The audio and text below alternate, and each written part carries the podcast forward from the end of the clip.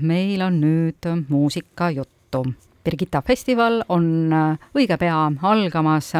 kes tahab ennast õigeks ajaks valmis sättida, siis peab äh, hakkama plaane kiiresti tegema, sest äh, järgmise nädala lõpp ei ole kaugel, nii nagu ka ei ole kaugel augustikuu, see suve viimane, aga see-eest kõige ilusam kuu.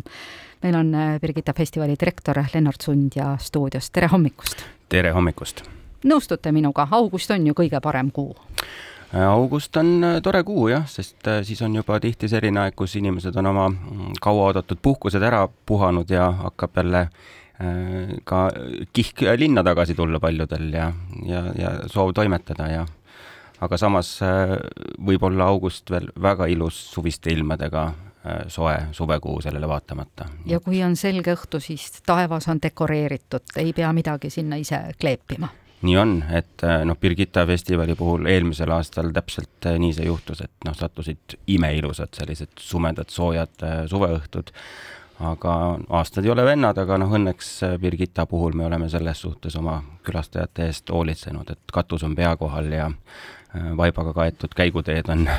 ümber kloostri, et, et, et igal juhul saab muusikat nautida kuiva seljaga millist muusikat ja mida siis äh, nautida äh, kuiva selja ja kõrvaga saab?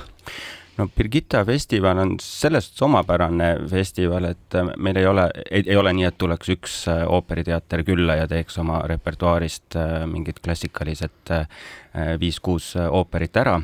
vaid äh, ja, ja eks iga festival on oma kunstilise juhi nägu ja nüüd me teist aastat on siis äh, maestro Tõnu Kaljuste kunstilisel juhtimisel korraldanud neid festivale.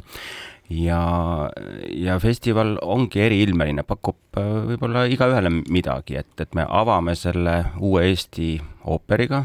Timo Steineri ja Andri Luubi Kriisis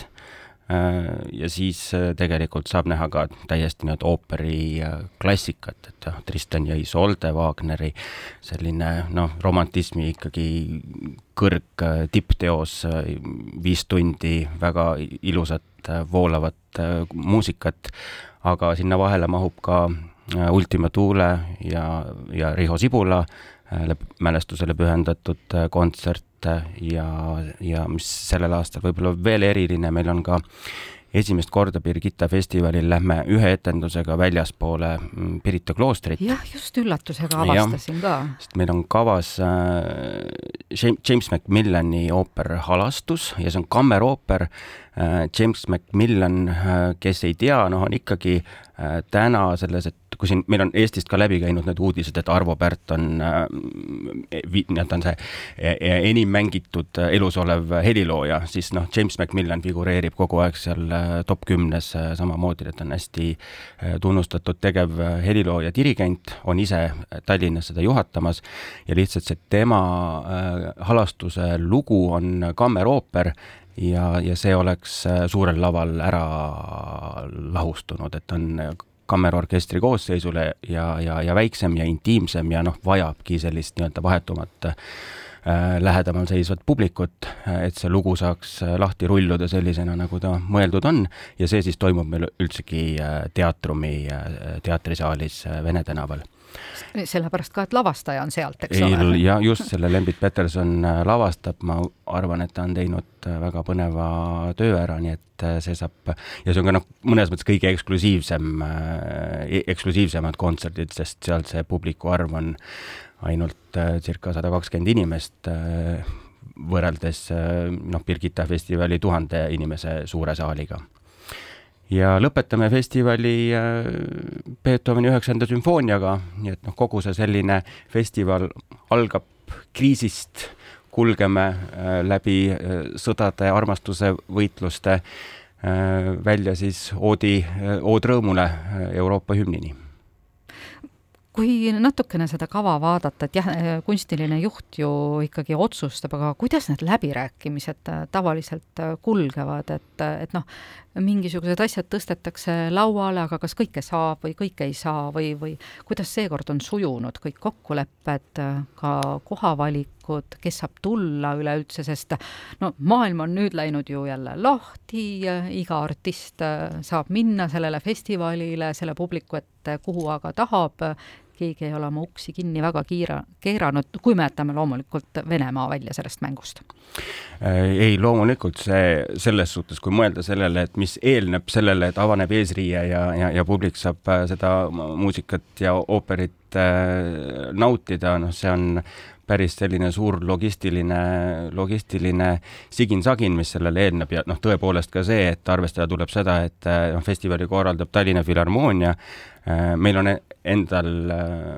Tallinna Kammerorkester ainult, et meil ei ole ooperiteatri truppi taga, et kui me tahame välja tuua uue Eesti ooperi, siis tegelikult see on kõik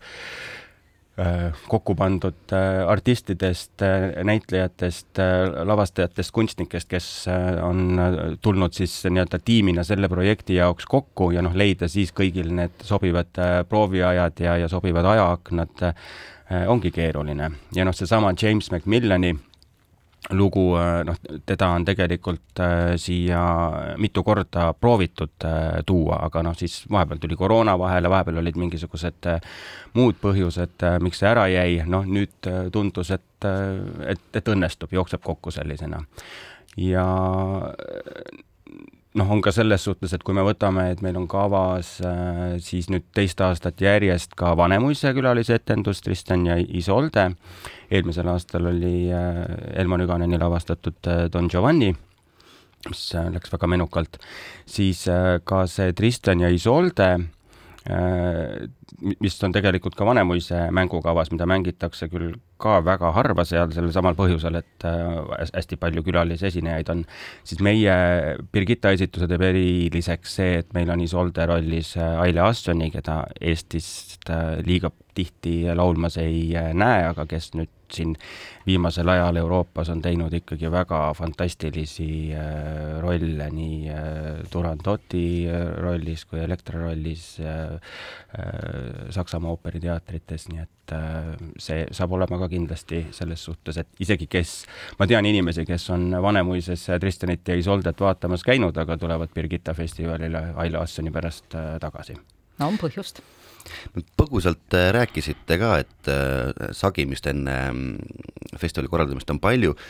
kui kaua ühe sellise festivali kokkupanemine aega võtab, millal te alustasite sellega? No see tegelikult ütlen, ütlen ausalt, et äh, peaks veel varem alustama. et me tegelikult tahame liikuda sinna suunas, et meil, äh, meil oleks järgmisel aastal või ülejärgmisel aastal areneksime nii kaugele, et me suudaksime tänase festivali ajal välja hõisata, mis on järgmise festivali äh, programm. meil see kahjuks nii ei ole olnud veel, nii et meil hakkab nüüd, kui see festival lõpeb, siis hakkab kibekiirelt järgmise festivali kava kokkupanek. esimene osa sellest ongi seotud kõige kõige sellega, et äh, leida need äh, tükid, mis kokku sobituks, et see kava moodustaks mingisuguse kunstilise terviku, siis hakkab juba see logistiline läbi rääkima, et mis need, millal, mis kuupäevad ühele või teisele etendusele või seltskonnale sobivad, siis hakkab paratamatult kogu see köögipool, mis käib sinna juurde, riigihanked, ostumenetlused äh,